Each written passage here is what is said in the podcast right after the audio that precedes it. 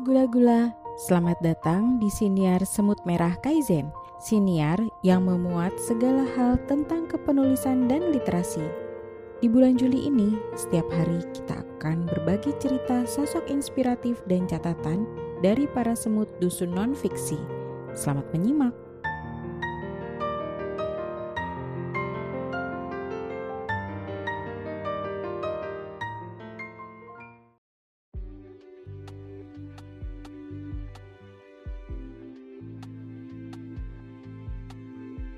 Ini mini biografi tentang Papa Sujarwo. Siapakah dia? Semut Desindra akan membacakannya untuk gula-gula. Selamat mendengarkan.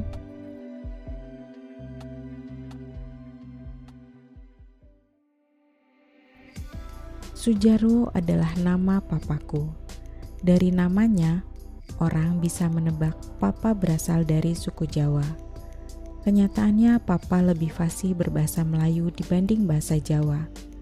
Dilahirkan tahun 1932 di Selat Panjang, Kepulauan Riau, menjadikan masa kecil papa lebih akrab dengan adat Melayu. Pekerjaan kakek yang kupanggil opa di Bea Cukai membuat papa mengikuti tugas opa berpindah-pindah menyusuri Pulau Sumatera. Dari Selat Panjang, mereka pindah ke Pangkalan Brandan juga di Riau. Kemudian Pematang Siantar, Sumatera Utara, sebelum akhirnya menetap di Belawan, Sumatera Utara. Papa sendiri masuk sekolah taman siswa sebagai sekolah dasar. Sebagai anak pertama dari enam bersaudara, Papa dikenal sebagai kakak yang baik. Kecerdasannya membuat dia beberapa kali diminta menjadi asisten guru pada pelajaran matematika. Saat pelajaran menghafal perkalian, Papa diminta menggantikan guru yang harus mengajar di kelas lain. Satu persatu teman Papa menghafal perkalian, termasuk murid Belanda bernama Rumpon. Sayangnya, Rumpon tidak hafal perkalian. Papa yang gemas kemudian mencubit pipi Rumpon. Beruntung guru segera datang sebelum Rumpon kesakitan. Papa kena marah karena ketidaksabarannya. Syukurlah Rumpon tidak mengadukan kejadian itu kepada orang tuanya. Kehidupan sekolah di taman siswa berubah di tahun 1942 saat Jepang masuk ke Indonesia. Lagu-lagu Belanda tidak lagi diperdengarkan. Sebagai gantinya, lagu-lagu Jepang mulai diajarkan.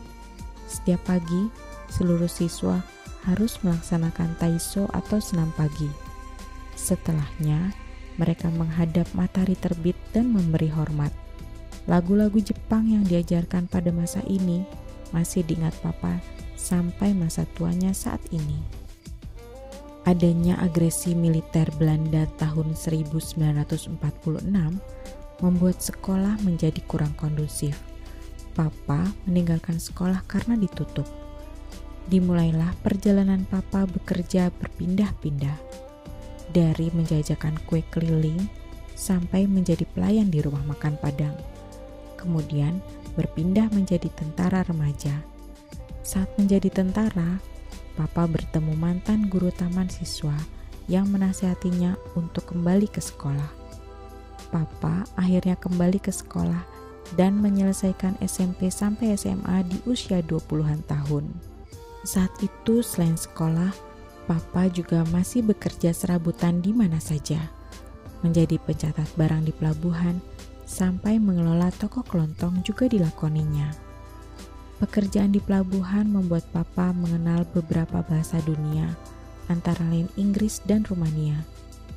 Pekerjaan serabutan yang dikerjakan Papa memang membuatnya mendapatkan penghasilan namun hanya cukup untuk kebutuhan harian dan sedikit membiayai adik-adiknya yang berjumlah lima orang untuk bersekolah. Papa memutuskan hijrah ke Jakarta setelah mendapatkan informasi ada lowongan di bank pemerintah. Saat mendapatkan pekerjaan tersebut, hampir saja Papa memutuskan mundur karena gaji dan fasilitas yang akan diterima lebih kecil dari yang telah diterimanya sebagai pengelola toko kelontong. Papa masuk bank pemerintah dengan ijazah SMP.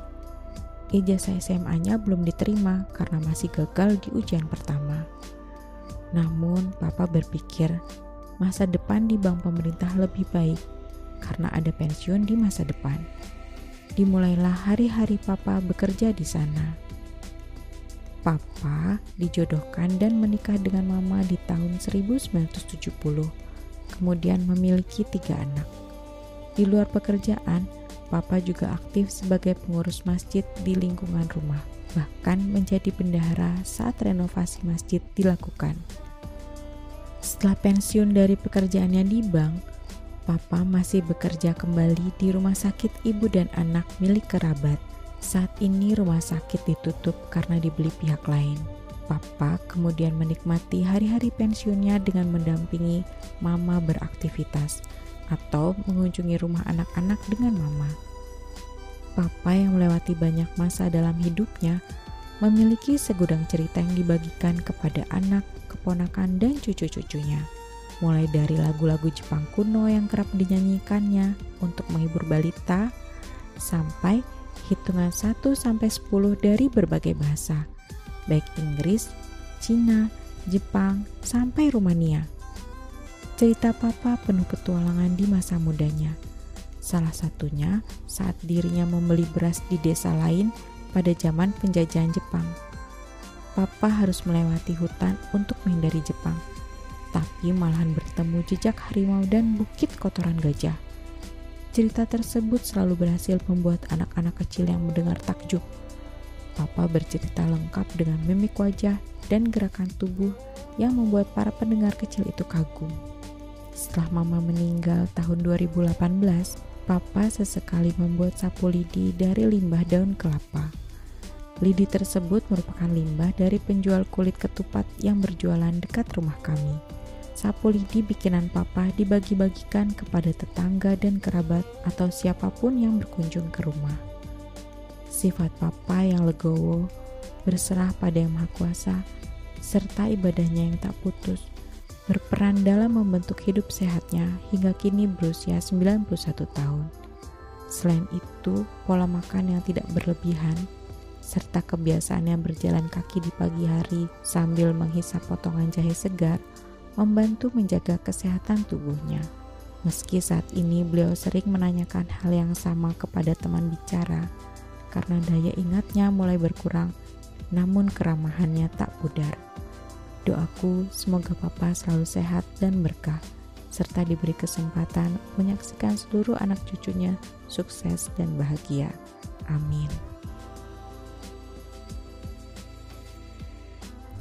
Demikian cerita inspiratif hari ini. Sampai jumpa esok hari dengan cerita inspiratif yang lain. Salam literasi.